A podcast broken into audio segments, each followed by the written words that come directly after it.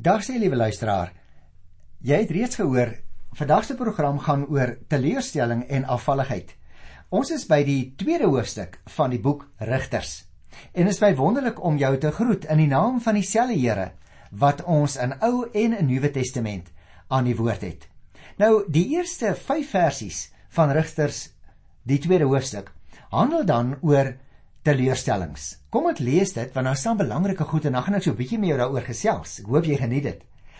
Die engel van die Here het van Gilgal af na Bochum toe gegaan. Hy het gesê: "Ek het julle uit Egipte land trek en julle gebring in die land wat ek met 'n eed aan julle voorvaders beloof het. Ek het vir julle gesê: Ek sal my verbond met julle nooit verbreek nie, maar julle mag nie 'n verdrag sluit met die inwoners van hierdie land nie. Julle moet hulle altare afbreek, maar julle het my nie gehoorsaam nie." Waarom het julle dit gedoen? Daarom sê ek vir julle, ek sal nie hierdie nasies van julle af wegdryf nie. Hulle sal vir julle skrik word en hulle gode sal vir julle 'n valstrik word. Toe die engel van die Here dit alles vir die Israeliete gesê het, het die hele volk hard gehuil. Daarom het hulle die plek Bokum genoem. Hulle het daar 'n offer aan die Here gebring. Nou voor ek dit uh, bespreek met jou, wil ek net daarop wys, liewe luisteraar, het jy interessant gemerk die uh, naam wat gegee is aan 'n klein plekkie. As mense op die kaart kyk, dan lê dit so na die noordooste van Jerusalem af met die naam Bokum en daar staan hulle het dit uh, Bokum genoem want dit beteken die volk het hard gehuil daar. Nou dit is 'n baie mooi voorbeeld van etiologie. Etiologie is mos die naam wat in Afrikaans gegee word wanneer 'n bepaalde plek of 'n persoon soms sy naam kry as gevolg van sekere gebeurtenisse. Ek onthou nog daar in 1838 was die groot trek, né? En toe in 1938, sommige van die luisteraars is miskien in daardie jaar gebore.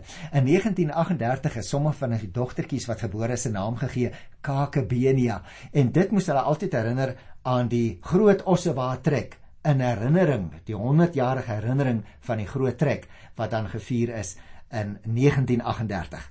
So hier lees ons nou van so 'n plek wat sy naam gekry het omdat die mense daar gesit en huil het en in Hebreëus word dit dan genoem Bokum, die huilplek. Nou kom ons gesels oor hierdie eerste 5 verse, want ek het vir jou gesê dit gaan hier eintlik oor teleurstelling, maar teleurstelling by die Here. Jy sien, God is teleurgestel te sy volk. En dit is ook waaroor dit alles eintlik in die res van die boek Rigters gaan. Die boek eindig uiteindelik met die teleurstelling dat selfs nie eens die leiers daarin kon slaag om God se volk getrou aan die Here te hou nie. In teenstelling met die werk in die tyd van Joshua, breek daar dus in die boek Rigters 'n tyd aan van herhaaldelike afvalligheid van die Here. En nou stuur die Here hier sy engel om naby die ou historiese plek Bethel, wat beteken huis van God, om daar naby Bethel met die volk te gaan praat. Die engel van die Here was of 'n boodskapper van God wat deur die Here self verstuur is of 'n verskyningsvorm van God self wat in menslike gestalte aan mense verskyn het. Hy het sy volk spesiaal versoek om vir hulle te sê hoe ernstig hulle ongehoorsaamheid in sy oë is. Het jy opgemerk? Die engel verwys in hierdie verse na die gebeure waarvan ons in die hoofstuk wat ons verlede keer al reeds behandel het hoofstuk 1 gelees het, naamlik dat die onderskeie stamme van Israel in meerdere en mindere mate nie daarin geslaag het om die inwoners van die land te verslaan en te verdrywe nie. En die gevolg van hulle onvermoë was dat die Israeliete nie net met die inwoners leer saamleef het nie, maar selfs met hulle begin verdraag sluit het. En dit was natuurlik 'n probleem want hulle het nie hulle altare vir die afgode afgebreek soos die Here van die gelowiges vereis het nie. Maar die inwoners se afgodsdiens gekondoneer en self daaraan begin meedoen. Kan jy dit voorstel? So presies lynreg teenoor wat die Here hulle opdrag gegee het om te doen. En dit kom dus direk neer op ongehoorsaamheid aan die Here en 'n verbreeking van die verbond wat hulle met hom gehad het En daarom is die Here bitter teleurgesteld in sy volk en kondig die engel nou aan wat die Here van plan is om te doen. Israel het vir hulle self 'n lat gepluk toe hulle hierdie mense laat staan het en tussen hulle gaan woon het. En nou sal die Here ook verder niks aan die saak doen nie, maar Israel net so saam met die mense laat woon met wie hulle verdrae gesluit het en tussen wie hulle besluit het om te gaan woon, in plaas daarvan om hulle met hulle afgodsdiens en al te verdryf soos wat die Here gesê het. Israel sal nou op die lange duur maai wat hy self gesaai het. En hierdie mense sal hom aanhoudend voor die toets stel of hy die afgode kan weerstaan en aan die Here getrou kan bly. 'n Toets waarvan ons verder aan in die Rigterboek sal lees dat Israel dit elke keer gefaal het. Jy sien, deur hulle eie nalatigheid en versuim om aan die Here gehoorsaam te wees, het die Israeliete die lewe nou vir hulle self baie moeilik gemaak. Hoeveel keer Mag ek vra, liewe luisteraar, hoeveel keer spruit jou en my swaar kry en ons beproewing nie ook maar soms uit ons eie pligs versuim of dat jy en ek nie van die begin af na die Here geluister het nie. En dan sê ons na die tyd, as ek maar net gedoen het wat hy vir my gesê het in sy woord, dan sou ek nie nou in hierdie gemors gesit het nie. En die volk se reaksie op hierdie aankondiging was een van skok en ook van teleurstelling. Hulle was teleurgesteld in hulle self en hulle trane van berou gestort, soos hulle weer later sou sit en huil by die Here, toe hulle ook weer by Bethel bymekaar gekom het. Maar daaroor gaan ons eers in die 21ste hoofstuk met mekaar praat. Op hierdie stadium het ons nou gelees, noem hulle die plek Bokum, die plek waar die manne sit en huil het. En hier het hulle nou gesit en huil oor hulle self.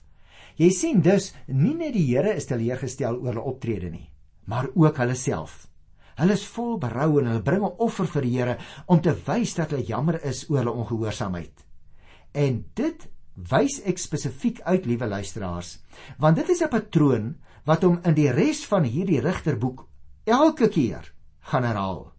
Berou beteken dat 'n mens die Here vra om jou te vergewe vir die verkeerde dinge wat jy gedoen het. Maar om dan volgende keer te probeer om die regte ding te doen en dit het hulle elke keer nie nagekom nie.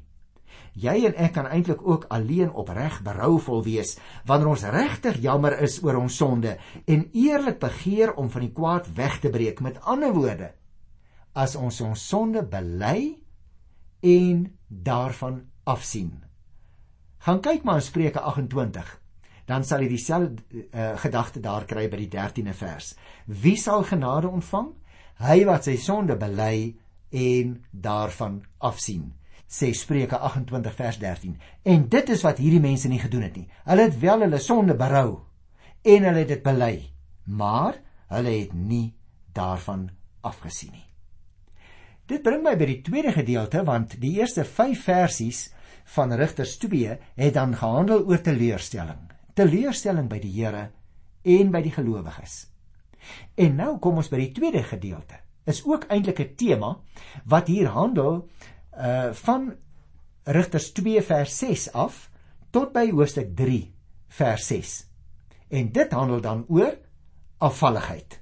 Kom ek lees so 'n stukkie daarvan en dan gesels ons in groter detail daaroor. Ek begin lees by Rigters 2 vers 6. Nadat Joshua die volk laat gaan het, het hulle die land gaan verower en daarna elkeen na sy grondgebied toe gegaan. Solank as Joshua gelewe het, het die volk die Here gedien.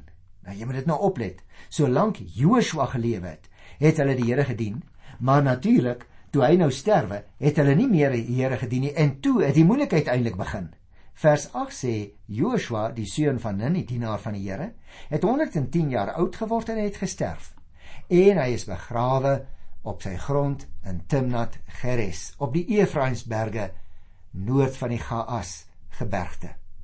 Al die mense van sy leeftyd het gesterf En die volgende geslagsmense het nie die Here geken nie. Hulle het ook nie geweet van sy groot dade wat hy gedoen het om vir Israel te help nie.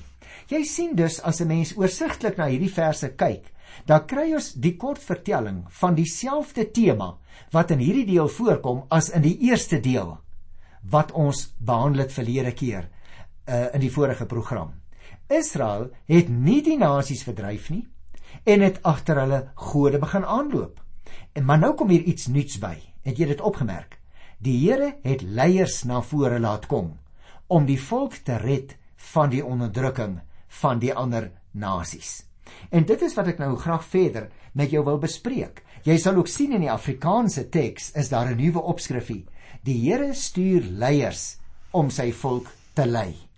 Ons het dus nou tot hier in 'n sekere sin gesels oor die breë verband van die boek, oor hoe dat die verskillende stamme uh hulle grondgebied gaan kry het, 'n kort oorsig daarvan gehad en ook kortliks is vertel hoe dat die mense dan terwyl Joshua nog geleef het, die Here gedien het.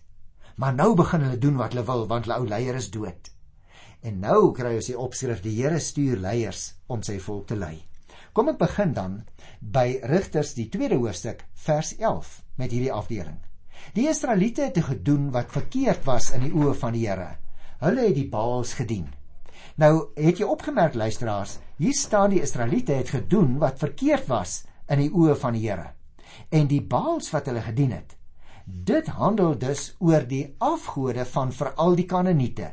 En die Baals sal ons nou weet uit die ander boeke wat ons al behandel het, was vrugbaarheidsgode. En hulle is gewoonlik op die hoogtes gedien waar die tempels vir die Baals gebou was. Nou die 12de vers sê, hulle het opgehou om die Here die God van hulle voorvaders wat hulle uit Egipte laat trek het, te dien. Hulle het ander gode begin dien, van die gode van die nasies in die omgewing.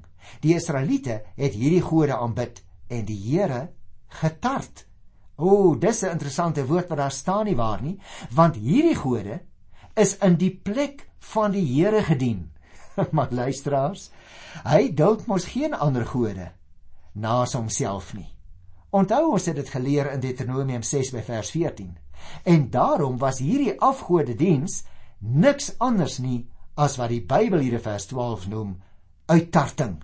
Hulle het die Here getart.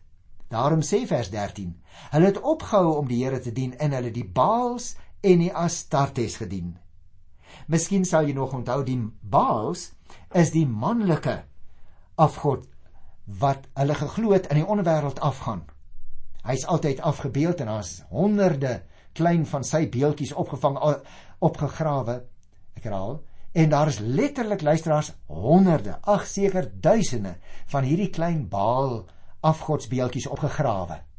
Dit was die verpersoonliking van vrugbaarheid, maar die Astartes wat nou hier genoem word, was die vroulike teenpool van hierdie manlike vrugbaarheidsgode. Interessant, die beeldjies wat van Astarte opgegrawe is, is altyd sulke klein vroutjies met breë heupe en sterk kuite wat in daardie tyd simbole was van vrugbaarheid.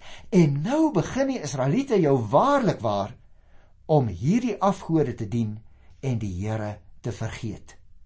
Luister vers 14 en 15.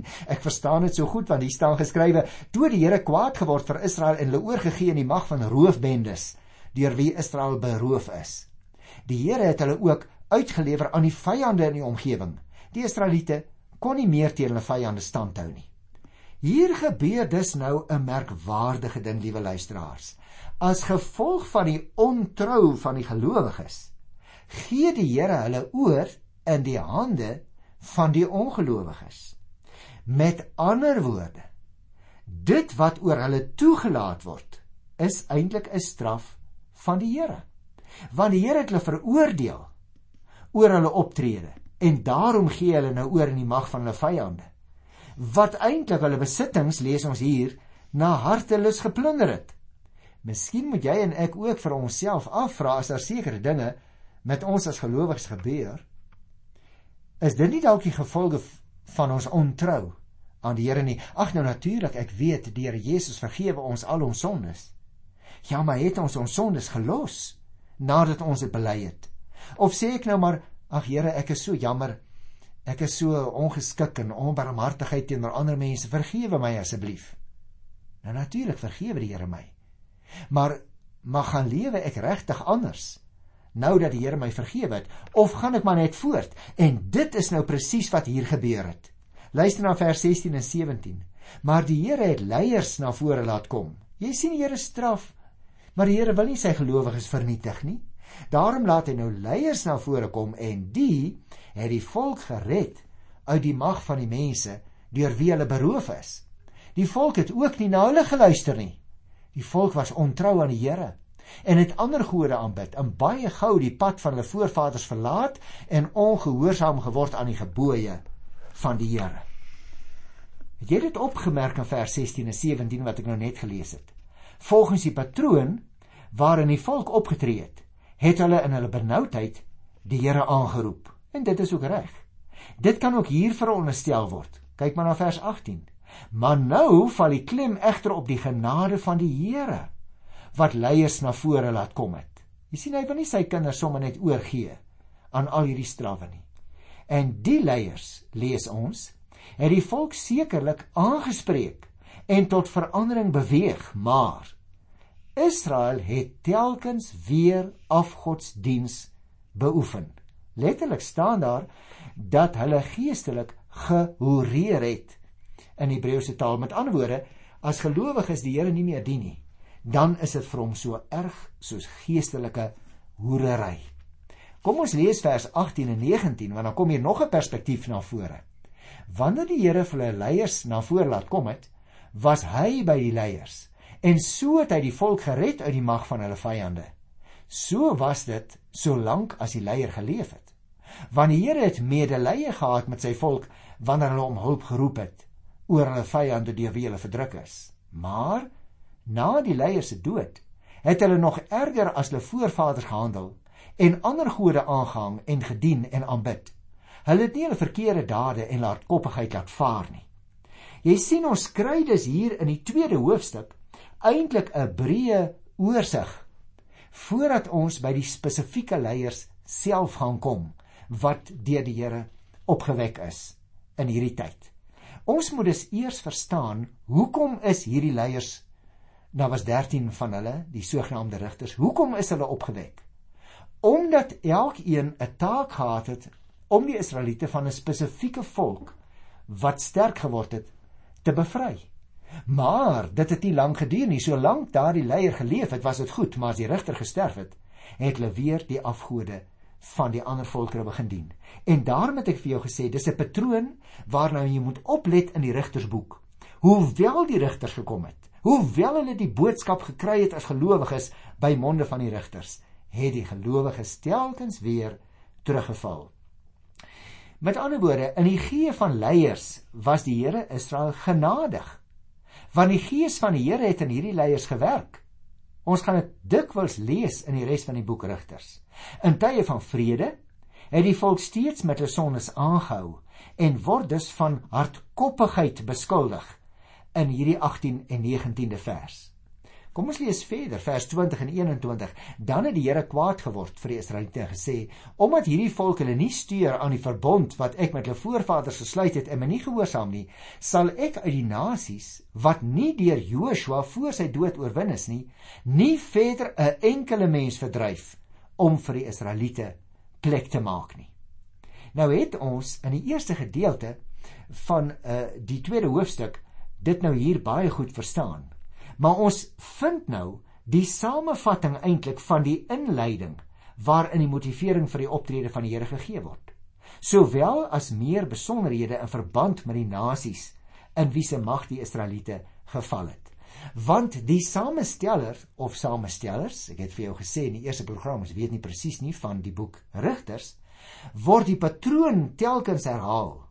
En nou staan daar in vers 22: Ek, dit is nou die Here Ek wil hulle met hierdie nasies op die proef stel. Is amper wat ons lees in die eerste boek van die Nuwe Testament wat op skrif gekom het, naamlik die boekie Jakobus, dat die Here ons in beproewings bring om ons te toets. Hier staan dit ook duidelik in die Ou Testament alreeds. Ek wil hulle met hierdie nasies op die proef stel om te sien of die Israeliete so gehoorsaam sal wees aan my wil soos hulle voorvaders en daarvolgens sal lewe of nie. Jy sien hier kry ons dus nou 'n tweede motivering vir die teenwoordigheid van die nasies en dat hulle daar moet bly om die Israeliete op die proef te stel. Die nasies is dus 'n verleiding om Israel se standvastigheid te beproef en te gelykertyd is hulle 'n tugroede om hulle tot bekering te laat kom wanneer hulle onder druk geplaas word. Daarom sê vers 23: Daarom het die Here hierdie nasies met rus gelaat en hulle nie dadelik verslaan en in Joshua se mag oorgegee nie. Jy mag miskien vra, liewe luisteraar, maar hoekom vernietig die Here ook nie in een oomblik sommer al die afgode wat ook in ons land voorkom nie? Hoekom duld hy hulle? En die antwoord word hier duidelik gegee. om die gelowiges te toets, om hulle te beproef of hulle werklik van voorneme is om getrou te bly aan die Here. Nou ek het al vir jou gesê hierdie gedeelte het begin by uh, 2 vers 6 tot by 3 vers 6. En daarom wil ek hierdie leiers en die afvalligheid net kortliks afsluit met die laaste uh, paar versies. Dit wil sê die eerste 6 verse van Rigters 3. Dan is dit 'n mooi eenheid wat ons vandag kan afhandel. 3:1 sê: Die Here het hierdie nasies met rus gelaat om die Israeliete met hulle op die proef te stel. Die Israeliete wat nie ondervinding gehad het van al die oorloë teen die Kanaaniete nie. Jy sien dit is dus baie duidelik. Die Here het 'n plan. Dinge gebeur nie sommer maar net nie. Hulle word daar gelos om die gelowiges op die proef te stel. Vers 3. Die Filistyne het met hulle vyf leiers, al die Kanaaniete, die mense van Sidon en die Jewiete wat Libanonberg bewoon het, van Baal Hermonberg af tot by Lebo Hamat. Dit blyk dus nou dat reg deur die land was daar ook mense wat afgode gedien het. Ook in ons land is dit so, liewe luisteraars. En ek dink dit maak juis dit noodsaaklik dat elke Christusgelowige sy geloof in die Here Jesus sal bely. Ons het 'n wonderlike geleentheid te midde van alles wat rondom ons gebeur elke dag om in alle eenvoud te bely wie die ware God is, dat Jesus Christus die enigste is wat verlossing van sonde bied. Maar dan roep dit ons natuurlik ook op om as verloste mense te lewe. Luister na vers 4. Hulle is met rus gelaat om Israel met hulle te toets om te sien of die Israeliete gehoorsaam sou wees aan die gebooie van die Here, die gebooie wat hy hulle voorvaders deur Moses beveel het. Die Israeliete het toe gewoon tussen die Kanaaniete, Hittite, Amoriete, Ferisiete, Hewite en Jebusiete. Dit word dus beklemtoon, liewe luisteraar, dat gelowiges nie uit die wêreld uitgeroep word nie. Maar ons word juis in die wêreld ingestuur. Onthou jy dan? Ons meester het mos gesê ek stuur julle so skape onder die wolwe in, juis omdat ons sy getuies is. Maar luister nou hierdie slotopmerking in vers 6. Die Israeliete het met die dogters van hierdie nasies getrou en hulle dogters met hierdie nasies se seuns laat trou. Die Israeliete het hierdie nasies se gode gedien. En presies daar, liewe luisteraar, presies daar kom die probleem nou. Die ses nasies van wie ons hier lees, word dikwels in die Ou Testament genoem, veral hier in die boek Rigters. Ek noem hulle net weer vir jou die Hittite en die Amoriete en die Ferisiete en die Jebusiete wat saam met die Hewite genoem word. Uh en wat dan in hierdie gebied wat verower is ingeneem het. Maar die gedeelte word afgesluit met hierdie belangrike opmerking met ondertrouery wat teen die bevel van die Here is. Nou plaasgevind het tussen die Israeliete en hierdie nasies, soos hulle genoem word. Hierdie nasies. En die ondertrouery is belet omdat die Israeliete daardeur verlei is tot ontrou aan die Here. Jy kan gerus weer gaan kyk in Eksodus 34 vers 16. Daar kry ons alreeds dieselfde gedagte baie vroeër in die geskiedenis. Jy sien, wie die Here as sy of haar God aanvaar het, kon nooit meer met 'n nie-Israeliet trou nie. Maar as iemand uit ander nasies hulle tot die God van die Bybel bekeer het, dan was dit 'n ander saak. Gaan lees maar byvoorbeeld die verhaal van Rahab en die verhaal van Rut. Hulle word byvoorbeeld al twee daar in Matteus by die eerste hoofstuk by die 5de vers genoem as in die voorgeslag van die Here Jesus self. Wat beteken dit? Dit beteken, liewe luisteraar, dat niemand wat sy of haar agtergrond ook al is, onwelkom is by die Here nie. Enige sondaar mens, of jy vir die eerste keer jou tot die Here bekeer, of jy vir die soveelste keer jou weer 'n keer toekeer tot die Here, hy ontvang jou elke keer as jy in belydenis van sonde en skuld voor hom buig en aanbidding. En daarom wil ek ook in sy naam hierdie program vandag afsluit om jou uit te nooi. Kom almal wat dors het. Kom na die Here toe. Die Here Jesus Christus. Ek groet jou in sy wonderlike naam. Tot volgende keer. Totsiens.